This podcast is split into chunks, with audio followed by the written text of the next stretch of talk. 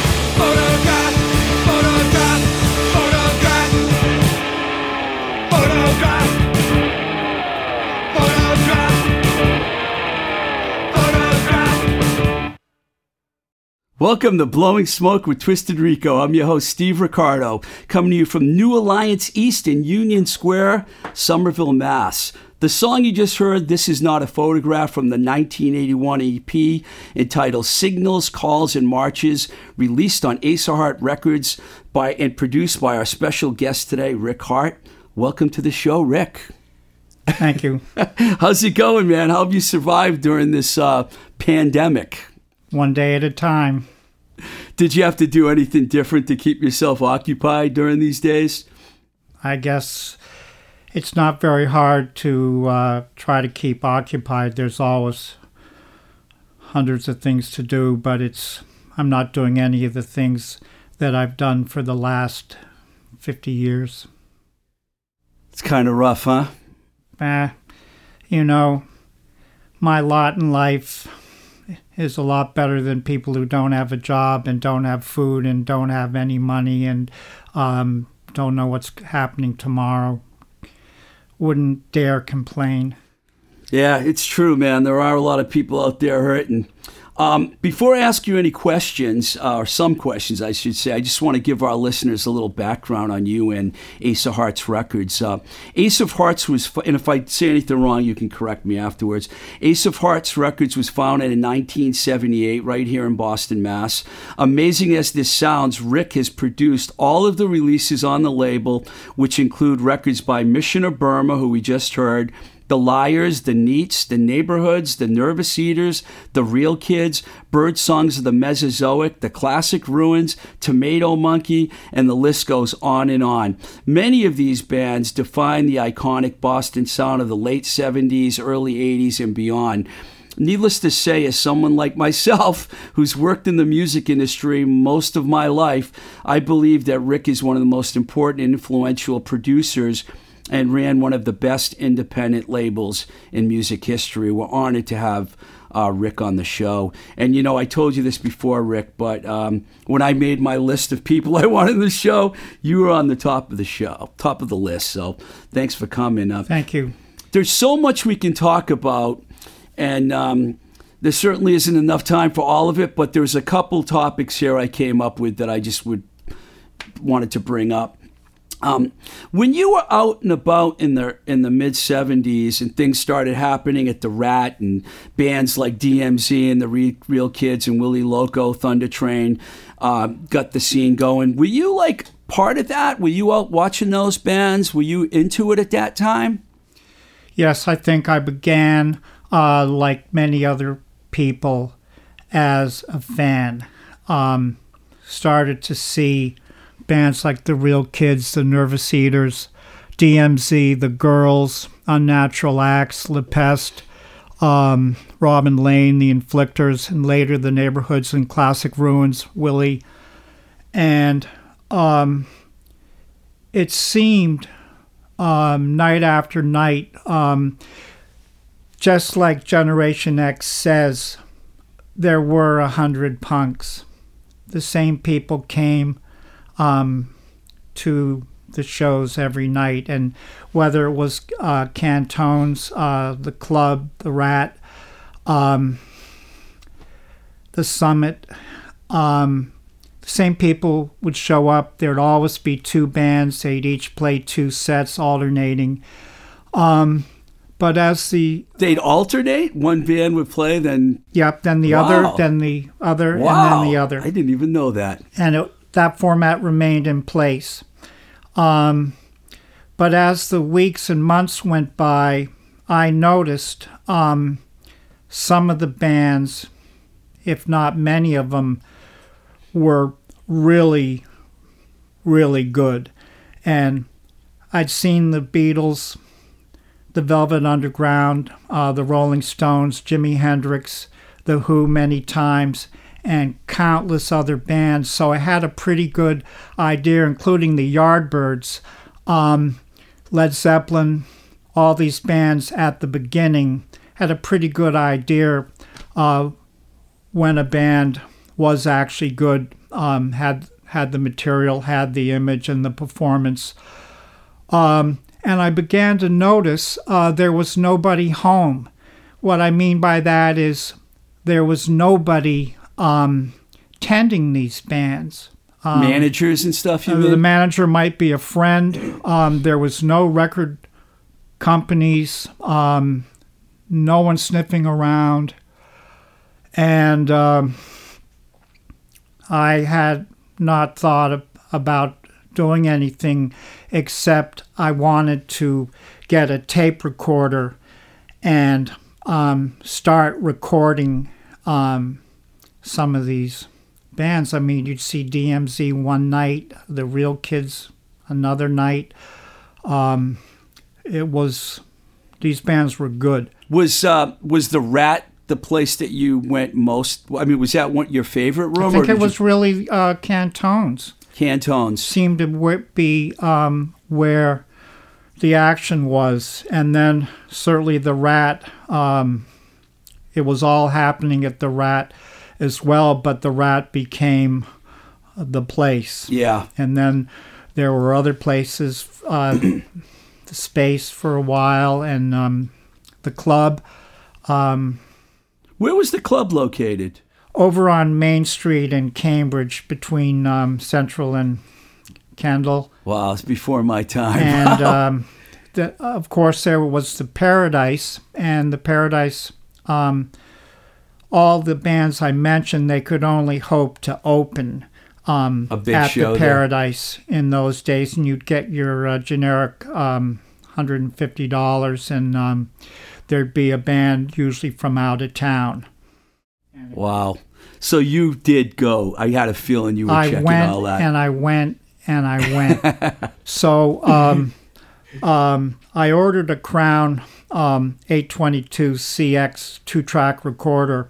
Uh, that took in 1977. It took a almost a year to have it uh, built and sent to me, and and I started to. Um, uh, Record. Wow. Wow. but still, there was no um, thought of a record label. How that ended up happening is another story, but that's basically how it started. Uh, one of the earliest success, successes of the label was the neighborhoods. And I actually read this quote from Dave Minehan, uh, singer guitarist of the band, on a previous episode. And it's such a great quote that I have to read it again. This was from the Boston Phoenix, probably like 15 years ago. Quote When we started working together, Rick handed me a box of English singles that today would probably be worth about $30,000 original 45s of the Stones, Traffic, the Beatles, the Kinks, and he said, Find out what it is about this stuff that's magic. He helped my musical education immensely. His knowledge is incredible. Rick had an uncanny knack for drawing your attention to some ingredient you took for granted and hadn't stopped to think what role it was playing. He was extremely interested in capturing my vision as an artist, but he also became a real part of forming that vision. Tell us, Rick, about what it was like when you found the Hoods and then you recorded Prettiest Girl and their single sold 10,000 copies and it put the label and the band. Was that the single that really put you on the map, would you say? I think the um, the reaction over the last 40 years has indicated that it was Where'd You Get That Cigarette by the Inflictors. um, the guys in Mission of Burma like to say to me, um, that's the best thing you ever did. It was all downhill from there. oh, whoa. no, it's it's fun. Um, but Prettiest Girl was um, a huge seller. And uh, how did you handle selling 10,000 singles back then? Well, I made 4,000.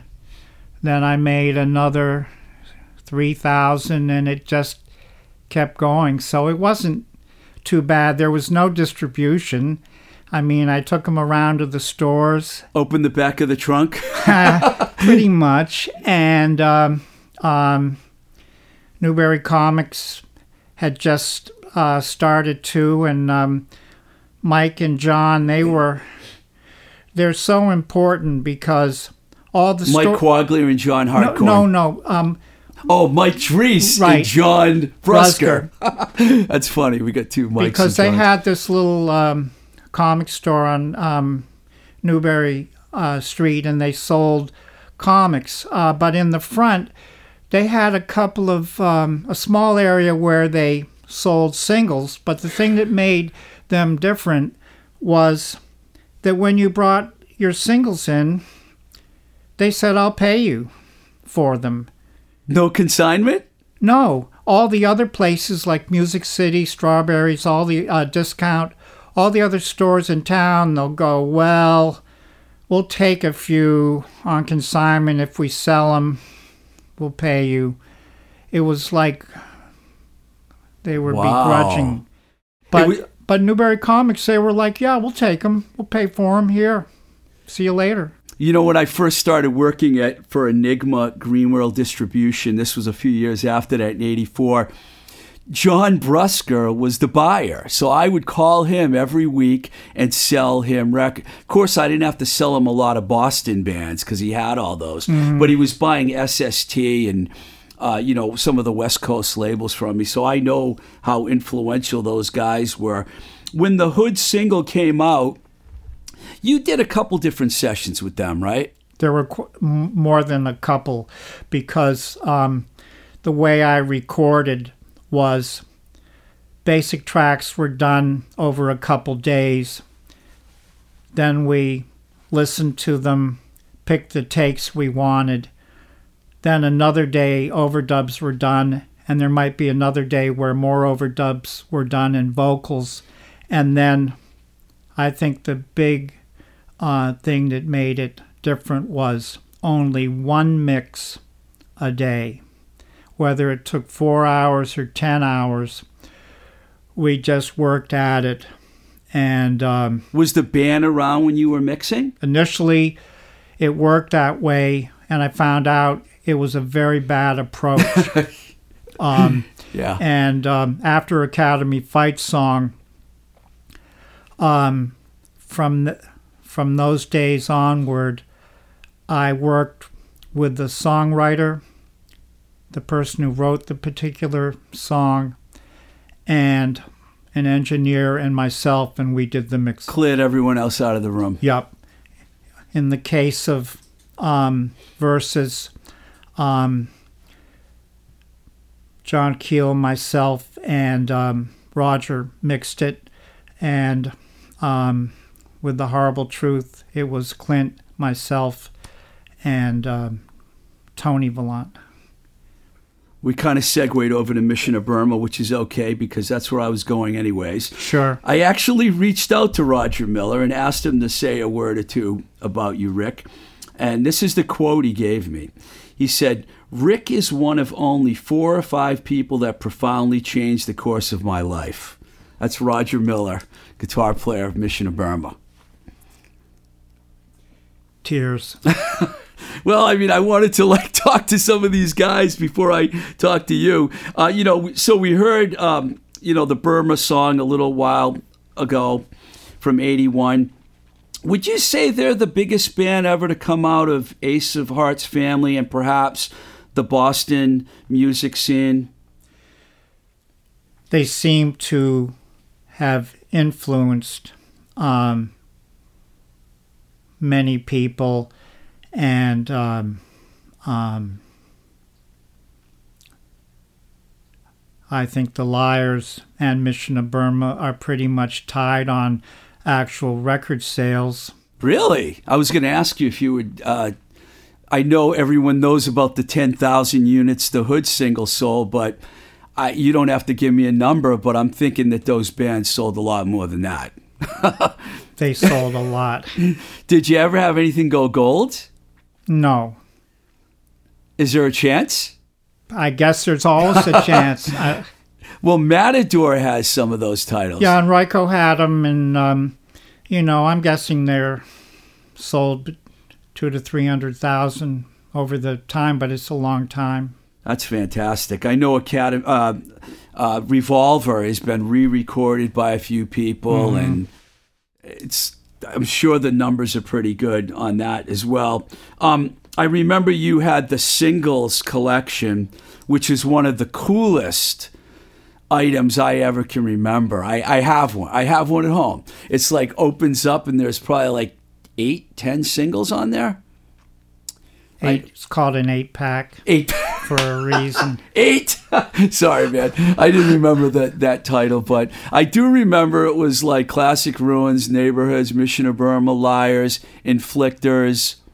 And there were a couple of um, uh, Mission to Burma songs and a couple of lyres. So that's pretty much it. Comes out to eight. Yeah, and the Neats, The ne- Harbor Lights, um, right. Yeah, that was like a fantastic uh, package. Um, and Caribou. Um, you mentioned the Lyres, and I was going to go there. Um, they're like one of the most famous bands worldwide, and of course, you guessed it. I reached out to Jeff Conolly, and he and asked him about you, and he had a, he had some, you, you know, Jeff. Firstly, he said he considers you his best friend for a long time. That's the first thing he wanted to get out in the open, and he went on to say. Rick Harte's production is based on his having a brain that he uses, and that's not a, an ego trip. It's about the group and the music. Rick Harte is a team player, and he actually repeated that three times. Rick Harte is a team player, and uh, he considers you his best friend. Thanks, Jeff. Can I can I ask you a question about Rick that I'm curious about? You might want to answer it, you might not. Someone told me he called him Mono Man and he got really upset at them. Why doesn't he like his his nickname that he had for so long? I think he grew tired of it.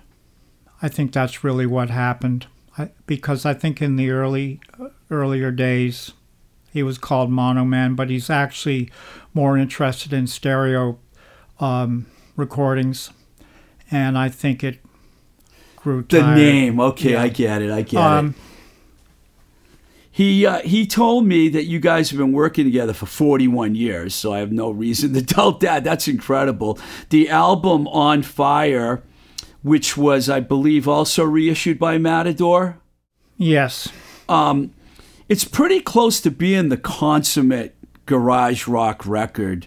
Um, what was it like when you first started working with them and they came to you with this 60s garage kind of like sound? I mean, was that, did you help them cultivate that sound? no. Um, basically, I worked with them before on the um, what we call the Purple EP, the four song EP, that uh, which is also actually titled AHS 1005, Buried Alive, um, What a Girl Can't Do, that kind of Uh huh. stuff. And um, it was really just a beefed up version of what they sounded like. I didn't think of it as um, garage rock until um, I realized how fanatical Jeff was about searching out and finding um, um, Nuggets style um, Nuggets, right. obscure, um, beyond obscure um, records, and he had to own the record to do it. Um, so I began to realize that there was a whole thing, but um, when I heard them, I didn't really think of it as 60s music because he was he was so dynamic and he, he put his own uh, stamp on it and it just seemed like just really good music. And um, so that led to um, the help you Ann single being recorded at a, an additional session then the group that group broke up with howie and Mike Lewis, Peter Greenberg, and then um, I basically said to Jeff, "Come back and um, talk to me when you have a new band." He's gone through quite a few few guys since then. so quite a while went by, and um, he had the on fire lineup. Um, Which is probably their biggest record. Would Yeah. you say? definitely. So I went down to. I told him I'd come down and see him. Went down to Mavericks. Wasn't happy with what I saw. Um, and um, but I'd agreed to keep working with him, and um, was wondering how I was going to make it work, and. Um, I had the Help You Ann single in the can. So the first thing was to try to get that out. Then we went in and recorded the album. I was wondering how how I could make it work. I didn't feel confident about it. And um, we had a very, very um, turbulent discussion about putting. I wanted to put the "Help You Ann" single on the on the On Fire album, and he was against it because it wasn't the same band. It wasn't pure, and it was a very valid, a very valid reason. He always has a good point. He's so smart and so talented, it's scary. But um, I wanted that on there, and I wanted the I thought the best track on it was Don't Give It Up Now. Great song. So I thought if I could get the album to lead off with Don't Give It Up Now, quickly follow up with Help You Ann, knowing that people that are checking the record out at radio stations in other parts of the country that hear the first two songs and maybe don't want to listen to anything else, that I might be able to make it work. And Jeff didn't want to lead it off with uh, Don't Give It Up Now. Um, he didn't like the solo, and there were other things about it he didn't like. And, um, but this was one time when I persevered and um, the record, um, the whole picture was good. Yeah, 1980. Yeah. 1984 was a pretty good year for Ace of Hearts records. I mean, I know the Versus record came out in 84 as well, didn't it? No, I think it was not 84, 83, I think. I'm off usually by a year or two, Rick. Sorry. but um, I'll tell you what, let's take a little break here and let's play another song. Uh, this one is uh, Red and Gray by the Neats.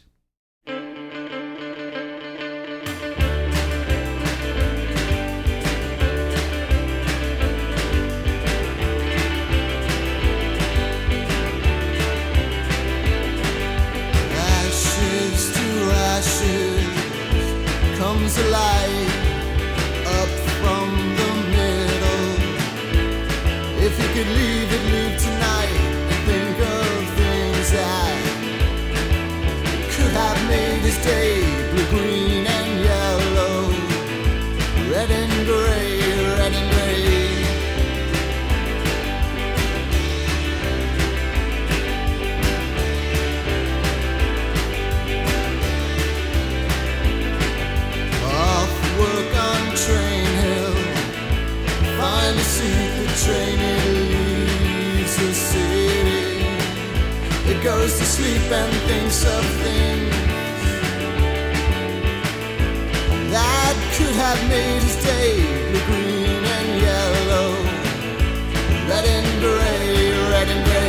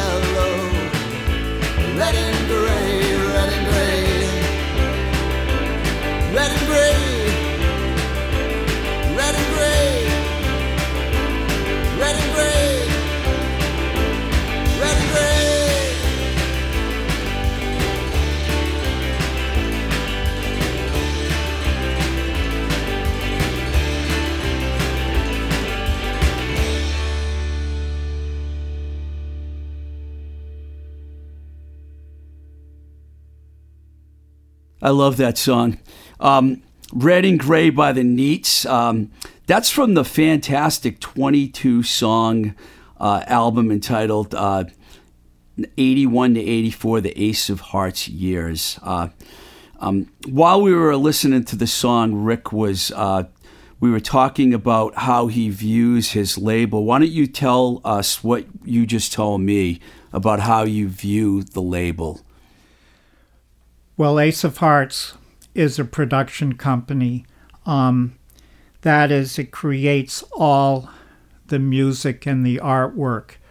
And um, the masters are not procured like most labels uh, procure their masters from other um, sources from a band, uh, maybe uh, an estate, um, could be almost anywhere. And those labels are more like banks. And um, this is a production company, and it has been from day one. Um, I was influenced by labels like Sun, Atlantic, Island, uh, labels that had in house producers. Chess records, maybe too? Uh, to a point. Um, but basically, um, people like Jerry Wexler, Tom Dowd, um, people like this that made the music and made the labels what they are and were. Um, Chris Blackwell, mm-hmm. um, he's another one. Island. Mm-hmm. Uh, Jac Holzman, um, Paul Rothchild with Elektra. Those labels were artistic ventures. And um, this is what um, I hoped Ace of Hearts would be one vision and one continuous story. Did anyone, did any bands or anyone ever come to you and say they wanted someone else to produce their records? I always wondered about that. That never happened, but um, I just tell them just find find someone else. Find another company, right? Yeah. Uh, I wanted to play the Neats because when we were talking on the phone a few weeks ago, you said a lot of nice things about the Neats. They're, in fact, they're one of the two bands. I mean, you've said nice things about incredible things about all your bands, but two bands, them and the Nervous Eaters, I've heard you really come out. You know, not to say that they're more famous as say the Real Kids or any of this, but I was watching the. Uh, the garage rock movie Boys from Nowhere, and you really praised the Nervous Eaters in that film the same way you praised the Neats when we were on the phone. Those two bands really mean a lot to you personally, don't they? They do. And I thought um, the Neats Monkey's Head was probably the most fun record um, experience in the studio I ever had. They're the nicest um, people, talented, and um, the record came out like exactly like we wanted it to, and it just made me happy. Um, as far as the Nervous Eater's concerned, um, the thing that always struck me was Steve Cataldo's um, songwriting ability. Yes. Uh, just never ceases to amaze me. Just so impressed with him. Uh, another band uh, I just mentioned briefly that. Um, well, let me ask you this first: when you got when you have writers like Eric Martin and Steve Cataldo, I imagine it probably makes it a lot easier for you when you're going to work with them because they're such talented writers. It's really easy. All I have to do is try to capture um, their sound, and um, that starts with um, seeing them numerous times um, in clubs, and the approach has always been um, to make the band sound like they sound on their best night when you see them. And um, with a little more production added uh, here and there sometimes. But so a great song allows it to all come together a lot easier, especially when you're mixing it. It kind of almost mixes itself if it's a good song. I remember it was around 81 or 82 when I was in college uh, working at WDJM in Framingham. I saw the Neats at Wellesley College. it was hilarious because me and another guy from the station went there and we walked in. And of course, there's all girls there, and they're looking at us like, "Who are you guys?" And then we went and just stood in front of the stage. And I remember the fir- that was the first time I heard six, six, six, six, and I was like, this band's awesome. I thought that they were going to be like another REM. I really did. They had that REM kind of vibe, I thought. And I thought that they were, uh, I guess they had some bad luck. Didn't one of them fall out of a car when they were on tour and break their arm? No, that wasn't. Oh, that didn't happen? No. But um, Do you know, do you, am I getting the wrong band I here? Because you're I couldn't- thinking about the Del Fuegos. Oh, was it Del? oh, but I wasn't with them. But um, I know that um, Jerry Channel, uh, the bass player of the Neats, wrote six, and he was a big part of the band. And um, it was just another, um, I think it was the quirky part of the band. Um, many people were mentioning the thing about um, REM and um, the Neats were very friendly with them, and they did a lot of shows with them. oh, And it was kind of funny, or just the way it worked out.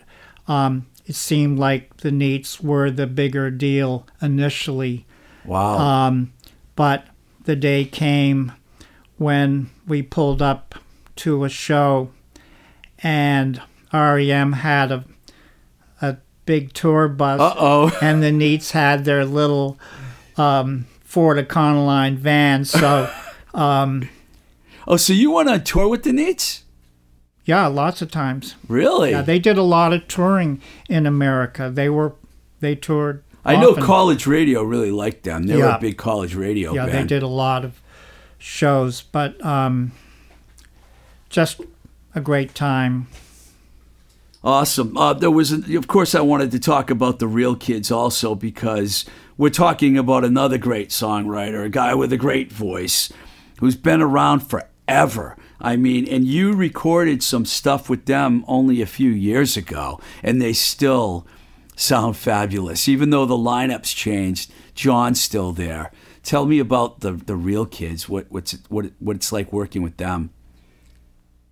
I'd worked with John back in 1986 and 87, and we made the Nothing Pretty album. And um, we were really happy with it. It was a good experience. It was a different um, band, but he had Billy Borgioli, who Uh huh. in the Red Star lineup of the, the Real Kids, and um, Paul Roland on bass, and um, it was a good band. Um, but um, things didn't go very well after the record w- was released. But um, I always liked. This is a solo record, right? Well, it was a band, but it was called John Felice Right. and the Lowdowns. Yes. So um, the Lowdowns being the band.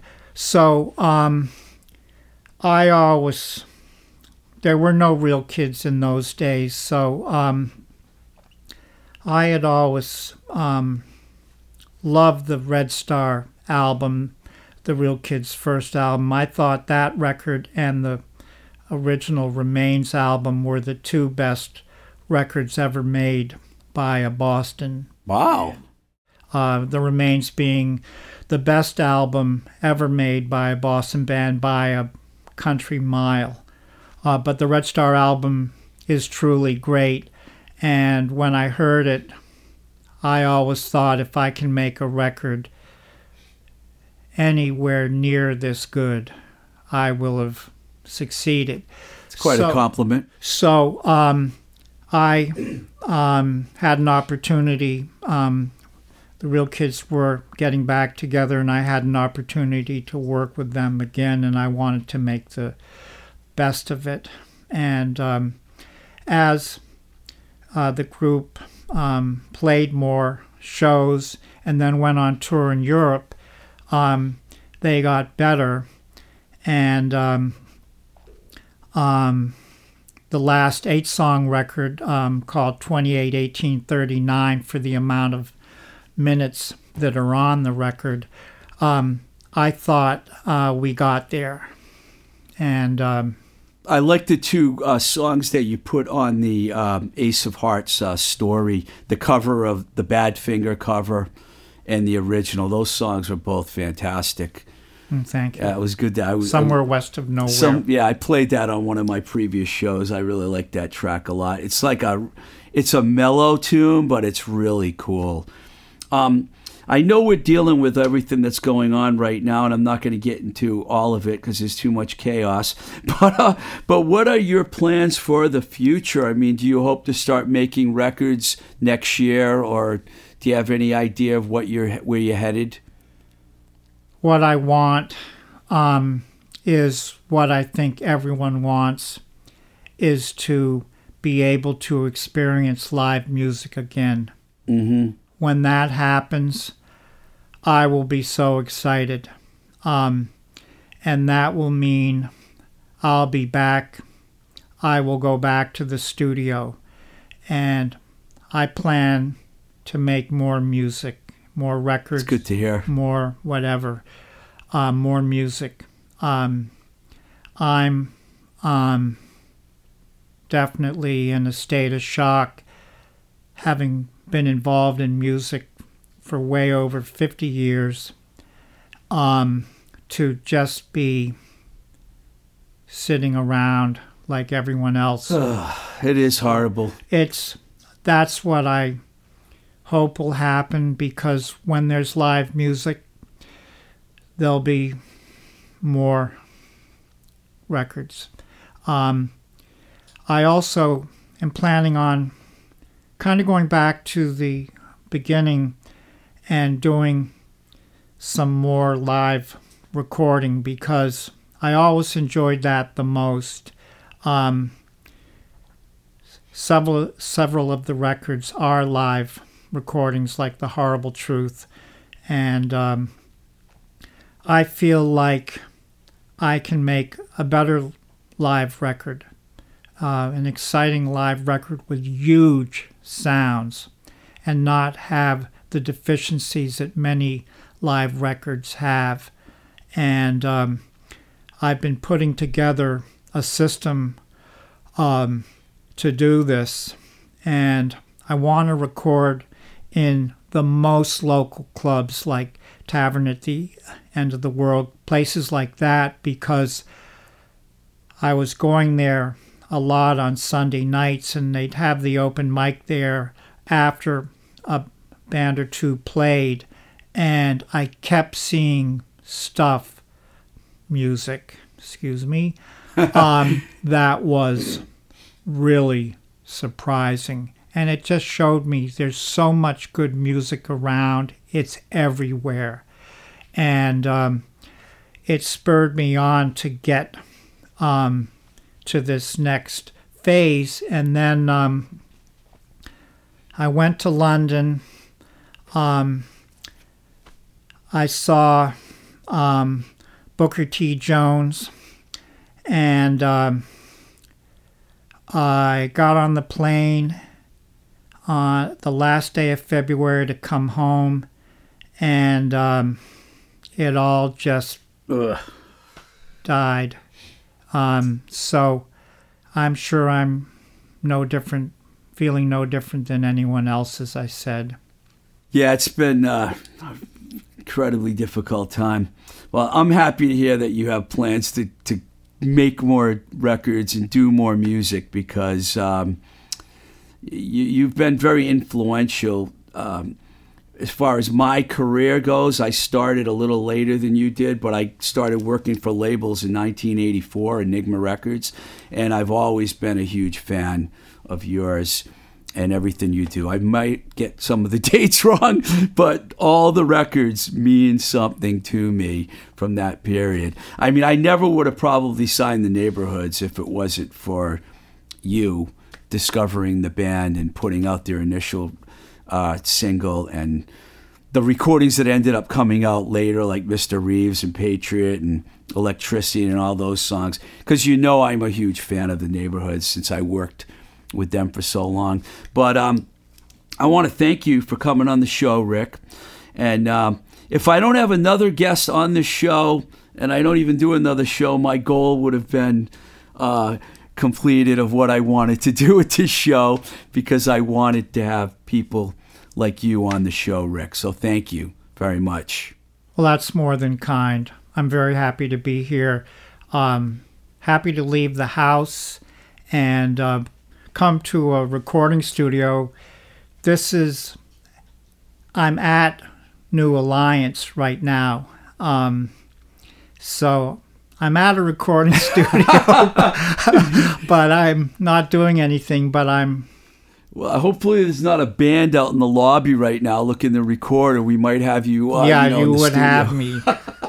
You'd have to have me. Well, thank you, Rick. I appreciate you coming. Um, Thank you so much. My pleasure. Before I go, I just wanted to say a few words about the passing of Eddie Van Halen.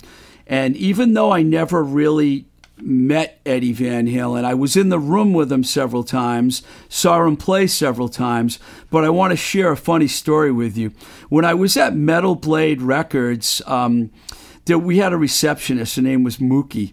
She was uh, she loved metal, and she was like a huge music fan. And I remember I was in the lobby one day, and she just came back from lunch, and I just happened to be standing there, and she had this look of astonishment on her face, and I was trying to. I'm like, what's going on? You look like you something just happened. And she goes, I'm sitting in my car on Coldwater Canyon and I had Van Halen cranking and I was at the CVS and all of a sudden this guy sticks his head in my window and he's doing an air guitar and it was Eddie Van Halen.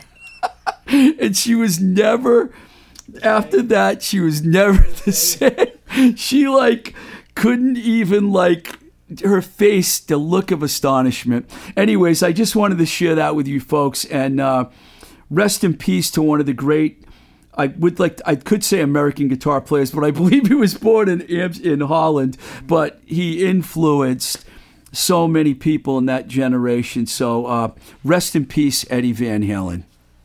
It's really important that we continue to support mom and pops and independent shops out there, like Baby Loves Tacos, who I mentioned at the beginning of the show, along with JLS Design in Leicester, Mass, the Moonbeam Cafe in Oakmont, PA, the Dark Horse Pub right here in Somerville, the Record Archive in Rochester, New York. These are just some of the fine establishments that need our support now more than ever. So whether you order takeout food, order merch, or buy your favorite metal band's new record, please keep these small businesses going. Before we leave, I want to thank our engineer Nick Z and uh, here at New Alliance East, and also all the people that support this podcast on patreon.com forward slash twisted rico. If you want to contact me, I can be reached at twistedrico at gmail.com. You can follow the Instagram page at twistedrico, or we're on Twitter at blowing smoke bs. And there's also a Facebook page for the Blowing Smoke with Twisted Rico podcast. This is Blowing Smoke with Twisted Rico. I'm your host, Steve Ricardo. Until the next time we say goodbye, keep the rock and roll alive. And yes, we love you, Busy Philipps.